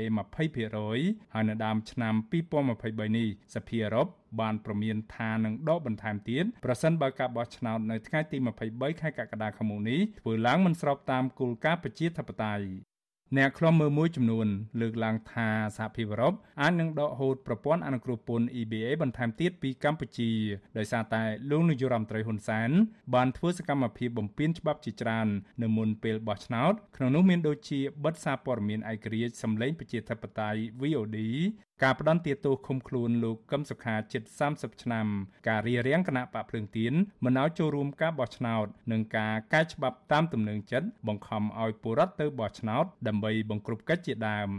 វិសុវស៊ីស្រីមិនអាចតាក់ទងแนะនាំពាក្យរដ្ឋាភិបាលលោកផៃសិផានដើម្បីសាកសួរជុំវិញរឿងនេះបាននៅឡើយទេនៅថ្ងៃទី9ខែកក្កដា ក៏ប៉ុន្តែអ្នកនាំពាក្យគណៈបកប្រជាជនកម្ពុជា លោកសុវ័យសាន មានប្រសាសន៍ថារដ្ឋាភិបាល បានដឹងពីបញ្ហាទាំងអស់ដែលកើតមាននៅក្នុងប្រទេសរួមទាំងបញ្ហាជីវករតូនតែពីការលក់ដូរមិនដាច់នេះលោកបន្តថាបញ្ហាស្ងាត់មនុស្សនៅក្នុងផ្សារនេះគឺដោយសារតែពលរដ្ឋខ្លះជាប់រវល់នៅក្នុងការធ្វើយុទ្ធនាការឃោសនាបោះឆ្នោតតែមួយរយៈពេលខ្លីតែប៉ុណ្ណោះហ្នឹងហើយមានពីណាគេទៅផ្សារប្រហែលផ្សារ ស្ងាត់អាហ្នឹងនិយាយជាយុទ្ធនាការទូទាំងប្រទេសអាហ្នឹងមិនជារឿងធម្មតាទេមនុស្សរាប់ពាន់រាប់ម៉ឺននាក់ចេញធ្វើការងារទៅតែឃោសនាតែមានពីណាដើរទៅផ្សារបញ្ហាវិបត្តិសេដ្ឋកិច្ចនេះមិនមែនកើតមានតែទៅលើអ្នកក្រីក្រឬអាជីវករតូចតាចប៉ុណ្ណោះទេតែក្រុមអង្គញាម្ចាស់ក្រុមហ៊ុនអចលនទ្រព្យជាច្រើនក៏កំពុងជួបនៅបញ្ហានេះដែរ ក្នុងនោះមានដូចជាអ្នកអង្គញាលេនវត្រាអង្គញាជាសរននិងអង្គញាហ៊ីកំហុងជាដើមក្រុមអង្គញាម្ចាស់ក្រុមហ៊ុនអចលនទ្រព្យទាំងនេះមិនមានលុយគ្រប់គ្រាន់ដើម្បីសាងសង់ផ្ទះឲ្យពលរដ្ឋដោយតាមការសន្យានោះទេ ដែលពួកគេអះអាងថា កំពុងរងឥទ្ធិពលពីវិបត្តិសេដ្ឋកិច្ចខ្ញុំបានមេរិត Visual C ស្រីពីរដ្ឋធានី Washington បានលោកនាងជាទីមន្ត្រី Visual C ស្រីនឹងផ្សាយ podcast កម្ពុជាសប្តាហ៍នេះ នៅរៀងរាល់ព្រឹកថ្ងៃសៅរ៍មកនៅកម្ពុជា podcast នេះរៀបចំដោយនាយកនិងនាយករងនៃកម្មវិធីផ្សាយវិទ្យុអេស៊ីសរ៉ៃជាភាសាខ្មែរគឺលោកសំពូលីនិងលោកជុនច័ន្ទបត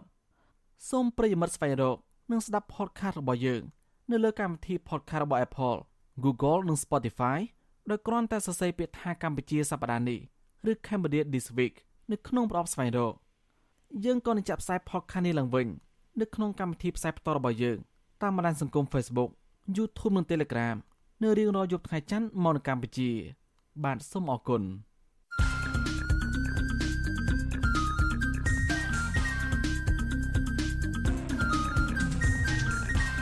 បទសំភារ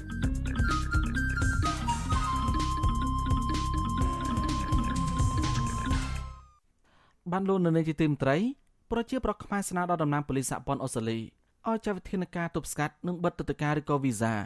របស់ក្រុមមន្ត្រីលោកហ៊ុនសែនរួមទាំងក្មួយលោកហ៊ុនសែនគឺលោកហ៊ុនតូកុំឲ្យជន់ទឹកដីអូស្ត្រាលី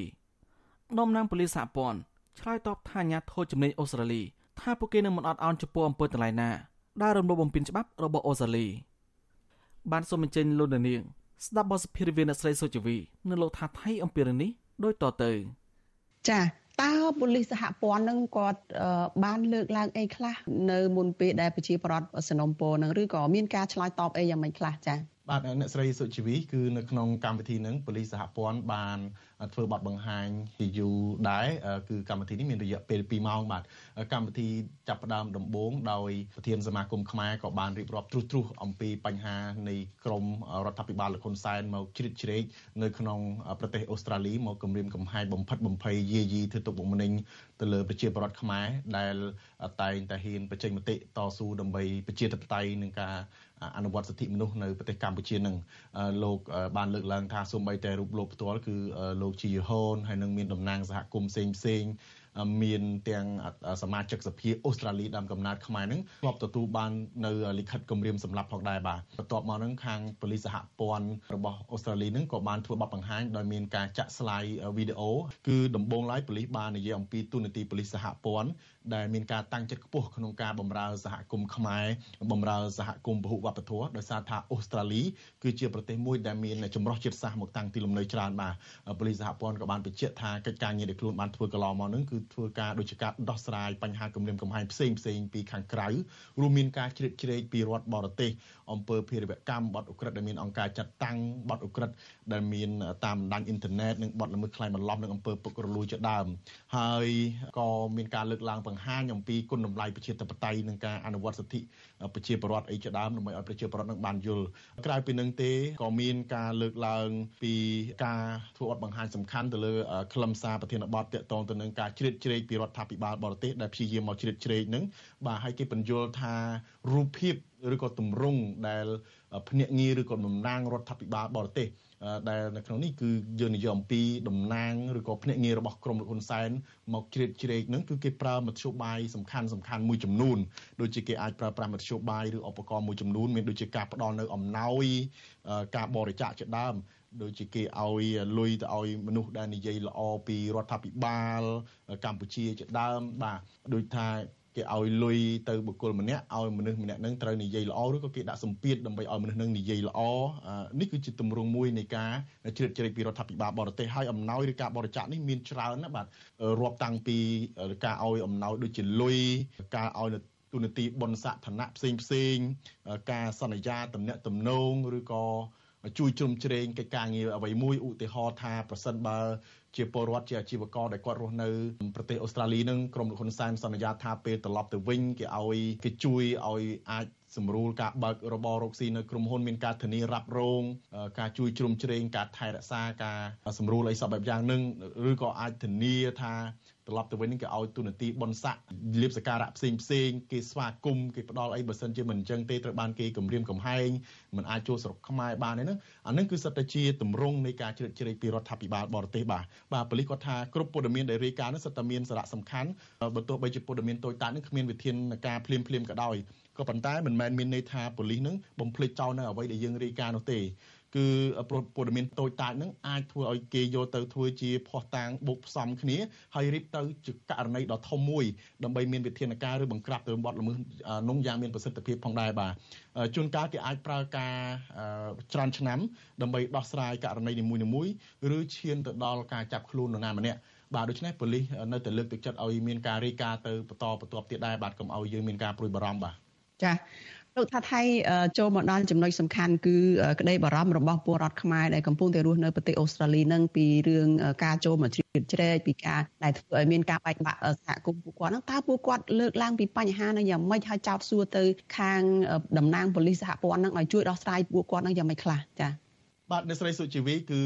ប្រជាពលរដ្ឋនៅល្ងាចមិញហ្នឹងគឺថាពួកគាត់មានសេចក្តីក្លាហានពួកគាត់ហ៊ានឡើងបញ្ចេញមតិឲ្យប្រាប់ត្រង់ត្រង់ទៅរដ្ឋាភិបាលទៅប៉ូលីសសហព័ន្ធហ្នឹងឲ្យមានវិធានការទប់ស្កាត់ទៅលើក្រមលោកហ៊ុនសែនជាពិសេសមានប្រជាពលរដ្ឋគាត់លើកឡើងទៅឲ្យបិទវីសាទឹកតការទៅដល់ក្មួយប្រុសរបស់លោកហ៊ុនសែនគឺលោកហ៊ុនតូតែម្ដងដោយពួកគាត់លើកឡើងថាលោកហ៊ុនតូមាន មានចំនួនអាក្រក់មានចំនួនមិនត្រឹមត្រូវជាច្រើនខុសច្បាប់ជាច្រើនហើយតែងតែចេញចូលទឹកដីប្រទេសអូស្ត្រាលីដូច្នេះគាត់គ្រប់គ្រងចំពោះការថ្លែងពីសមាជិកសភាអូស្ត្រាលីគឺលោក Julian Hill កាលពីខែមិនិនាកន្លងទៅដែលបានទាមទារឲ្យរដ្ឋាភិបាលអូស្ត្រាលីនឹងមានវិធានការជាក់លាក់ទៅលើមន្ត្រីរដ្ឋាភិបាលជាពិសេសគឺតំណាងគណៈបព្វជិជនកម្ពុជាដែលតែងតែមកពង្រីកពង្រឹងនយោបាយរបស់ខ្លួននៅប្រទេសអូស្ត្រាលីគឺដឹកនាំដោយលោកកឹមសន្តិភាពនឹងហើយនឹងលោកហ៊ុនតូ ដូច្នេះគាត់គ្រប់គ្រងឲ្យមានការបិទទឹកតការបុគ្គលទាំងនេះកុំឲ្យជន់ទឹកដីអូស្ត្រាលីទៀតហើយអំពាវនាវឲ្យមានការតាមដានក្រុមនឹងដោយយកចិត្តទុកដាក់ផងដែរបាទចាតើការឆ្លើយតបជាទូទៅចាជាទូទៅរបស់ប៉ូលីសសហព័ន្ធនឹងបង្ហាញពីករណីផ្សេងផ្សេងដែលប៉ូលីសបានធ្វើនឹងផ្ដល់ជាក្តីសង្ឃឹមយ៉ាងម៉េចខ្លះទៅដល់ពលរដ្ឋខ្មែរអ្នកដែលរស់នៅអូស្ត្រាលីនឹងទេចាបាទអ្នកស្រីសុជីវីគឺប្រជាពលរដ្ឋគាត់មានសេចក្តីរីករាយហើយគាត់បានយល់ដឹងច្រើននៅពេលដែលគាត់បាន ស្ដាប់នៅការធ្វើបទបង្ហាញរបស់តំណាងប៉ូលីសសហព័ន្ធពួកគាត់មានក្តីក្លាហាន មានការយល់ដឹងហើយពួកគាត់ក៏មានភាពកក់ក្ដៅនៅក្នុងចិត្តដែរដោយប៉ូលីសសហព័ន្ធបានប្រាប់ថាទីនេះអូស្ត្រាលីគេធានាការពារសន្តិសុខប្រជាពលរដ្ឋតាមទូនាទីរបស់គេដោយមានការទទួលខុសត្រូវខ្ពស់ដូច្នេះប៉ូលីសបានសន្យាឲ្យធ្វើឲ្យពួកគាត់នឹងហាក់ដូចជាមានភាពកក់ក្ដៅក្នុងចិត្តបាទមួយទៀតខ្ញុំចង់បញ្ជាក់ដែរនៅក្នុងនោះគឺប៉ូលីសសហព័ន្ធក៏បានចែករំលែកដែរថាប្រសិនបើប្រជាពលរដ្ឋខ្មែរយើងចង់ទទួលរងនឹងការគំរាមកំហែងការបំផិតបំភ័យអីផ្សេងៗហ្នឹងពួកគាត់អាចប្តឹងផ្ដល់ទៅប៉ូលីសដោយមានទូរស័ព្ទប្រចាំអំពីលេខទូរស័ព្ទស្ដីពីសន្តិសុខជាតិហ្នឹងគឺអាចតាក់ទងទៅដូចជាលេខ18 00 123 400បាទ ម្ដងទៀតគឺ1800 123 400បាទហើយក្រៅពីនឹងទេប្រជាពលរដ្ឋអាចអ៊ីមែលទៅលេខប៉ូលីសនឹងហើយក៏ពួកគាត់អាចតាក់ទងទៅប៉ូលីសផ្សេងទៀតដូចថាសម្រាប់ឲ្យប៉ូលីសទៅដល់កន្លែងកាត់ហេតុផ្ទាន់ផ្ទាន់បើសិនបើមានការគម្រាមកំហែងភ្លាមភ្លាមហ្នឹងគាត់អាចតាក់ទងទៅលេខ03ដើមបាទនិងលេខប៉ូលីសមួយទៀតគឺ13 14 44បាទដូច្នេះពួកគាត់អាចតាក់ទងទៅហើយប្រសិនបើមានការគម្រាមកំហែងតាមរូបភាពផ្សេងទៀតហ្នឹងប៉ូលីសក៏បានបញ្យល់ដែរគឺប្រសិនបើការគម្រាមកំហែងតាមទម្រង់ផ្សេងផ្សេងដូចជាគម្រាមកំហែងដោយផ្ទាល់ហ្នឹងគេប្រាប់ឲ្យដូចជាយើងត្រូវសរសេរឬក៏កត់ត្រាអំពីការគម្រាមនោះឲ្យដូចអ្វីដែលយើងបាននិយាយឬក៏ធ្វើសញ្ញាទៅបាទកំណត់កត់ចំណុចលម្អិតឲ្យបានច្រើនអំពីជនដែលធ្វើការគម្រាមកំហែងនឹងដូចជាឈ្មោះកម្ពស់ទម្ងន់ពណ៌ភ្នែកនិងសក់ហើយនឹងខោអាវសម្លៀកបំពាក់និងភិនភាកហើយរាយការណ៍អំពីការគម្រាមនឹងទៅប៉ូលីសទៅហើយបើសិនជាយើងមិនអាចហ៊ានទៅរាយការណ៍ប៉ូលីសទៅយើងអាចទៅតាក់ទងទៅតំណាងសហគមន៍ខ្មែរយើងដូចជាប្រធានសមាគមខ្មែរហ្នឹងទៅដើម្បីឲ្យពួកគាត់ជួយក៏បានដែរបាទក្រៅពីនឹងទេបើសិនបើការគម្រាមនឹងតាមទូរស័ព្ទវិញគេឲ្យយើងថាថតសម្លេងក្នុងទូរស័ព្ទប្រសិនបើអាចសរសេរពាក្យដូចអ្វីដែលគេនិយាយគម្រាមនោះ ហើយចម្លងព័ត៌មានទាំងឡាយណាដែលមាននៅក្នុងអេក្រង់អេឡិចត្រូនិករបស់ទូរស័ព្ទរកពេលសម្រាប់កិច្ចពិភាក្សាលម្អិតជាមួយប៉ូលីសដែរក្រៅពីនឹងទេប្រសិនបើការគម្រាមកំហែងតាមរយៈសារអេឡិចត្រូនិកតាមអសរតាមឯកសារឬក៏បណ្ដាញឬសង្គមឬក៏អ៊ីមែលហ្នឹងកុំឲ្យលុបសារទាំងអស់នឹងចេញហើយត្រូវ print ឬក៏ថតឬក៏ screen ទុកហើយចម្លងព័ត៌មានមានដូចជាប្រធានបទថ្ងៃម៉ោងអ្នកផ្ញើហ្នឹង ហើយសូមឲ្យច្បាស់ថាអ្នកផ្ទុកឬចុចថតទុកឯកសារទាំងអស់ហ្នឹងបង្កើតសម្រាប់តែបណ្ដោះអាសន្នហើយប្រាប់ទៅប៉ូលីសភ្លាមភ្លាមអំពីការគម្រាមនឹងរក្សាភស្តុតាងនឹងទាំងអស់បាទដើម្បីឲ្យប៉ូលីសបានដឹងដែរបាទសូមអរគុណបាទបានលោកនាងទៅបានស្ដាប់បទសភារវាអ្នកសេសុជីវីនៅលោកថាថៃអំពីប្រកខ្មែរស្នើតំណាងប៉ូលីសសហព័ន្ធអូស្ត្រាលីអស់ចាត់វិធានការទប់ស្កាត់បិទទឹកតការឬក៏វីសារបស់ក្រុមត្រីលហ៊ុនសែនរួមទាំងក្មួយប្រុសលហ៊ុនសែនក៏លោកហ៊ុនតូកុំអស់ចន្ទដីអូស្ត្រាលី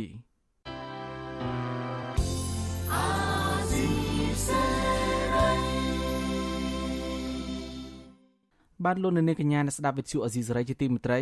ការផ្សាយរយៈពេល1ម៉ោងនៃវិទ្យុអេស៊ីសរ៉ៃនៅពេលនេះចប់តែប៉ុណ្ណេះយើងខ្ញុំសូមជូនពរដល់លោកនាងព្រមទាំងក្រុមគ្រួសារទាំងអស់ឲ្យជួបប្រកបតែនឹងសេចក្តីសុខចម្រើនរុងរឿងកុំបីឃ្លៀងឃ្លាតឡើយខ្ញុំបាទសនចាររថាព្រមទាំងក្រុមការងារទាំងអស់នៃវិទ្យុអសីសេរីសូមអរគុណនិងសូមជម្រាបលា